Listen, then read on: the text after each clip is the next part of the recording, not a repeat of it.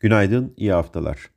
Rusya Başbakan Yardımcısı Novak, Moskova'nın Yamal Avrupa boru hattı üzerinden Avrupa'ya gaz arzını yeniden başlatmaya hazır olduğunu bildirdi.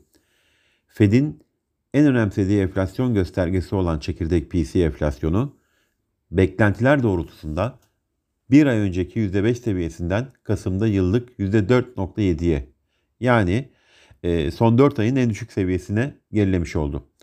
Kültür ve Turizm Bakanlığı'nın açıkladığı Kasım 2022 verilerine göre Türkiye'ye gelen yabancı ziyaretçi sayısı yıllık %44.6 artışla 2 milyon 550 bin kişi olurken Covid-19 öncesi Kasım 2019'a kıyasla %16.4 artış gösterdi. Cumhurbaşkanımız Sayın Recep Tayyip Erdoğan, Karadeniz gazı ile ilgili yeni bir haberin bugün paylaşılacağını söyledi. Bugün yurt içinde kapasite kullanım oranı ve reel sektör güven endeksi açıklanacak. Yurt dışında birçok borsa kapalı olacak. Bu sabah Asya endeksleri hafif alıcılı işlem görürken Borsa İstanbul'da pozitif bir başlangıç öngörüyoruz. İyi günler, bereketli kazançlar.